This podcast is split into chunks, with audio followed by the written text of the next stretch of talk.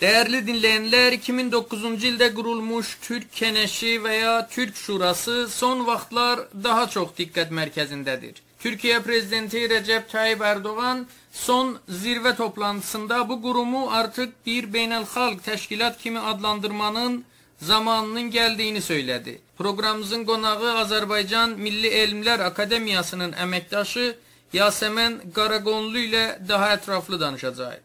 Yasəmən xanım, 2009-cu ildən bəri Türk Şurası yavaş addımlarla əslində fəaliyyətə başladı, amma artıq indi yüksək səviyyədə zirvə görüşlərini daha sıx görürük biz. Orta Asiyadakı ölkələrə baxanda, xüsusilə son bir ildə bu qurumu daha çox ciddiyə aldıqlarını görürük. Ümumiyyətlə nə düşünürsünüz? Şuranın bugünkü vəziyyəti və önəmi haqqında nələr deyə bilərsiniz? Çox təşəkkür edirəm. Türk Şurasının bugünkü önəmi ilk öncə ondan ibarətdir ki, dünya yeni bir düzənə girir, yeni bir sistem qurulur. Sovetlər Birliyi çökməmişdən öncə iki qütblü bir dünya var idi. Bir soyuq savaş dövründə Amerikan liderliyində kapitalizm və Rusiya liderliyində sosializm adlı bir iki qütb var idi. Sovetlər Birliyinin çöküşündən sonra tək qütblü Amerikan liderliyində bir dünya quruculuğuna başlanıldı. Amma bu tamamlanmadı və indilər son illarda çox qütblü bir dünya quruculuğuna doğru dünya sistemi bir inkişafa doğru getməkdədir və bir tərəfdə Avro-Atlantik blok, bir tərəfdə Rusiyanın qurmağa çalışdığı Avrasiya və ya kollektiv təhlükəsizlik müqaviləsi təşkilatı MDB kimi qurumlar, bir tərəfdə Çin, bir tərəfdə Hindistan, bir tərəfdə İran, yəni farklı mədəniyyətləri farklı sivilizasiyaları e, təmsil edən güclü dövlətlərin meydana gəlməsi ilə çox qütblü bir dünyaya keçiş baş verməkdədir və e, belə bir zamanda türk müstəqil türk dövlətləri də öz qütblərini, öz mədəniyyətlərinə uyğun siyasi kurumlarını kurma uğrunda bir çabalara başladılar, fəaliyyətlərə başladılar. Son 30 ildə Türk dünyasında bir çox kurumlar quruldu. Türk dili konuşan ölkələr işbirliyi, Türk Geneşi, Uluslararası Türk Kültürü Təşkilatı, Türk dili konuşan ölkələr parlamentlər assambleyası, Türkpa adlanır qısa adı ilə, Türk Kültür və e, Mirası Vakfı, Türk İş Konseyi, Türk Akademiyası, Uluslararası Təşkilatı, Türk Universitetlər Birliyi, Avrasiya Askeri Statülü Kolluk Qüvvətləri Təşkilatı. Bu kurumlarla bərabər 31 mart 2021-də Türk dilli ölkələrin İşbirliyi Konseyi öz zirvə toplantısını yaptı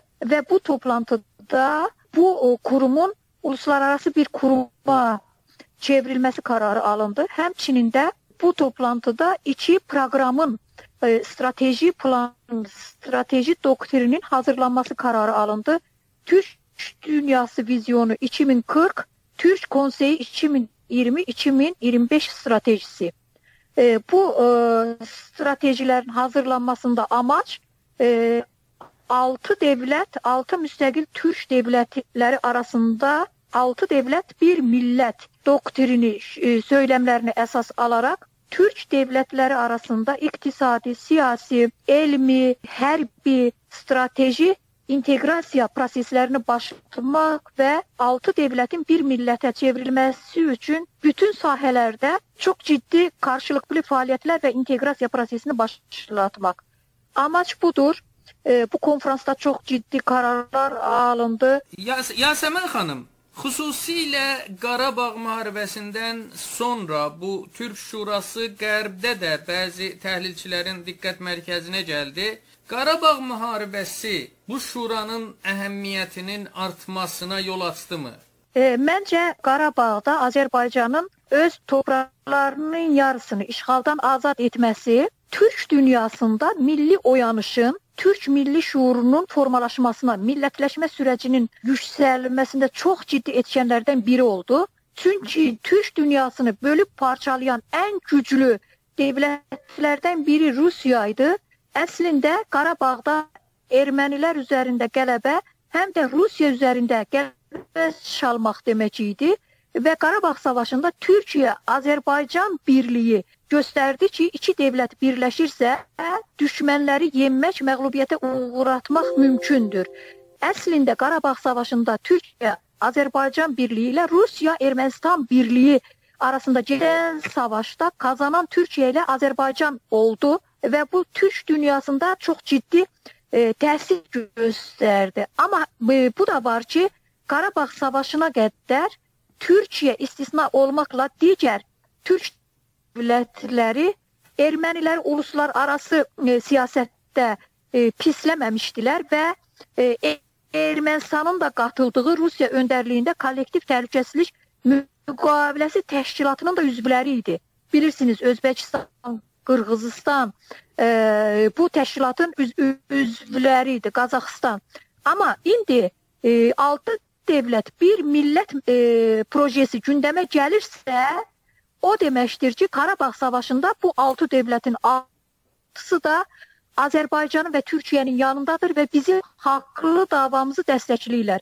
Və bunu da qeyd edim, e, Türk Genişinin zirvə konseyindən sonra e, Rusiyanın bölgəmizdəki təsirinin azaldılması yönümündə də bir e, başlanğıc oldu, bir iş e, görüldü. O nədir? Bilirsiniz ki, bölgəmizdə Rusiya çox etkilidir. Müxtəlif təşkilatlar quraraq həm Qafqazdakı ölkələri, həm e, Türkistandakı türk ölkələrini öz e, çevrəsində, Rusiya periferiyasında saxlamağa çalışırdı. Amma Türkiyənin son illərdə aktiv xarici siyasəti e, türk dövlətlərinin də Rusiya mərkəzli uluslar arası təşkilatlardan qopmasına və Türkiyə ətrafında yeni təşkilatların qurulmasına səbəb olur. Əslində Avrasiyada Rusiyanın qurduğu təşkilatlar zəifləyir, Türkiyənin və türk dövlətlərinin qurduğu təşkilatlar güclənir.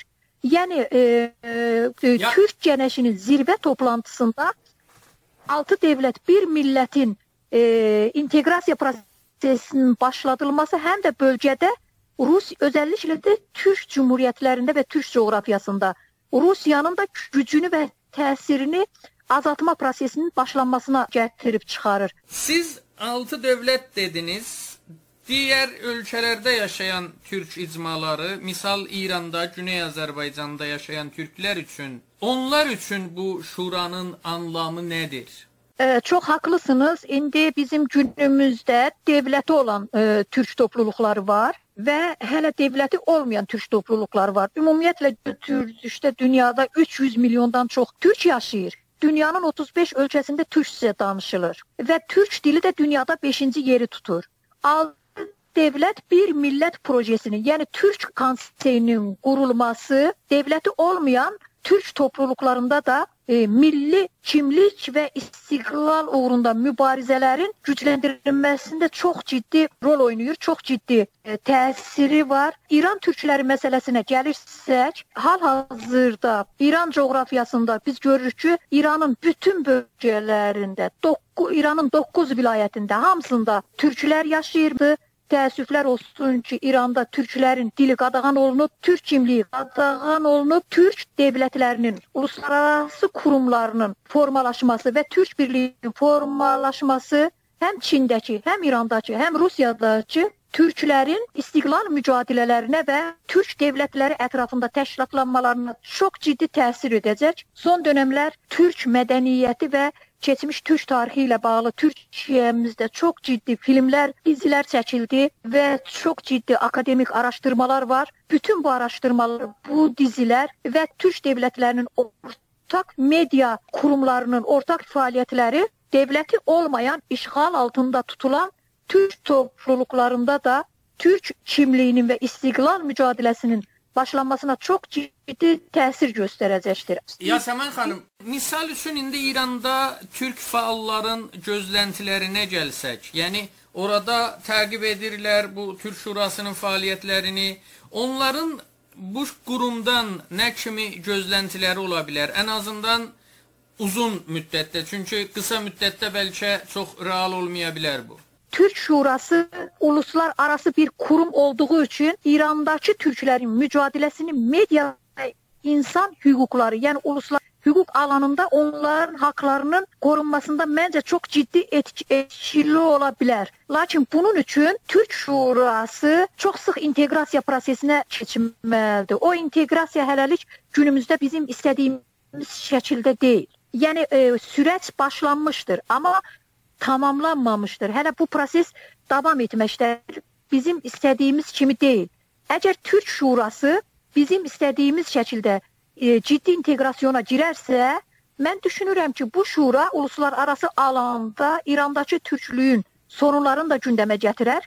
Beynəlxalq hüquq çərçivəsində həmçinin də onların haqlarının müdafiə edilməsi ilə bağlı İran dövlətinə də, rejiminə də baskı yapa bilər. Zaten bu İran Türk Şurasının üzvü olan dövlətlərlə iqtisadi işbirliyi çərçivəsində Türkiyə ilə sərhəddir, Azərbaycanla sərhəddir və qarşılıqlı bir iqtisadi əlaqələr var. Və düşünürəm ki, Türk Şurası ciddi bir kurum halına gəldikdə İran hökumətinə qarşı çox ciddi iqtisadi, siyasi, e, hətta gərəkirsə hərbi bir baskılar yapma səviyyəsinə qədər gəlib çata bilər. Olması həm də bizdə asılıdır. Yəni bizim Türk Şurasını e, gücləndirməmiz Türk dünyasının inteqrasiyasında çox ciddi bu prosesin sürətlənməsi üçün çox ciddi çalışmalarımıza da bağlıdır bu bir qədər də.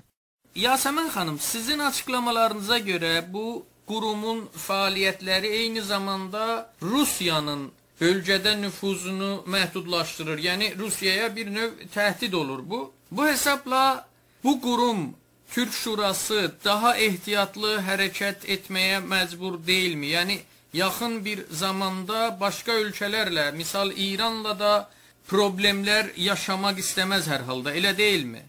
E, biz elə bir həssas e, bölgədə yerləşirik ki, yəni bu Türk Şurasına daxil olan ölkələr. E, baxın, hal-hazırda Türk Şurası tutaq ki, Türk dünyasının parçalandığı və türklərin işğalı altında olan Çin də Rusiya ilə, İranla hər hansı bir hərbi qarşıdurmaya getmədən soft power deyilən bir anlayış var. Yəni yumşaq güc. Bu coğrafiyalarda və bu dövlətlər içərisində yaşayan türklərin haqlarını e, yumşaq güc vasitəsilə müdafiə etmək, amma bu dövlətlərlə kəskin qarşıdurmalara getməmək stratejisi məncə izləyəcəklər. Çünki Türk Şurasının qurulması hər hansı bir dövlətin maraqlarına və dövlətlərə qarşı yönəlməmişdir və əsasən də bölgədəki bütün dövlətlərlə qarşılıqlı əməkdaşlıq etmək əsas məqsəd e, irəli sürmüşdür. Məsələn, Çinlə bir kuşaq bir yol projesi var, bilirsiniz. Əlbəttə Rusiya ilə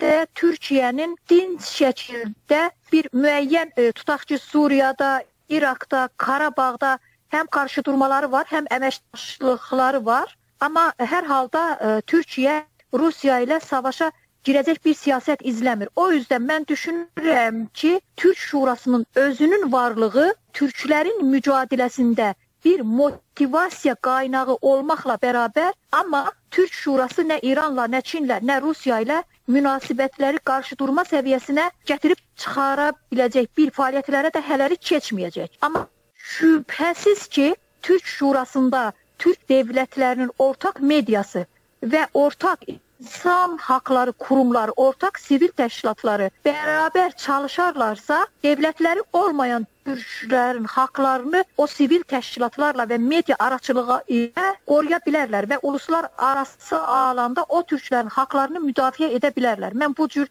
düşünürəm. İstənilən halda Türk Şurasının varlığı Türk kültürünün, dilinin və Türk gücünün qorunmasına səbəb olan bir amildir və bu türklər üçün çox-çox önəmli bir məsələdir mən düşünürəm. Və e, bunu deyim, 19-20-ci əsrlərdə türk dünyası bir diferensiyasiya, bölünmə, parçalanma dönəmini yaşamışdı, amma 21-ci yüzildə bir inteqrasiyon dönəminə qədəm qoyub. Mən düşünürəm ki, bu inteqrasiya prosesi hələ bir xeyli 10 il, 20 il çəkəcək, amma sonunda tüm türk toplum, toplumlarını çevrələyən, əhatə edən bir türk birliyinin qurulması ilə nəticələnəcək. Mən o düşüncədəyəm və gələcəyə çox pozitiv bir ruhla baxıram. Çox böyük ümidlə yanaşıram.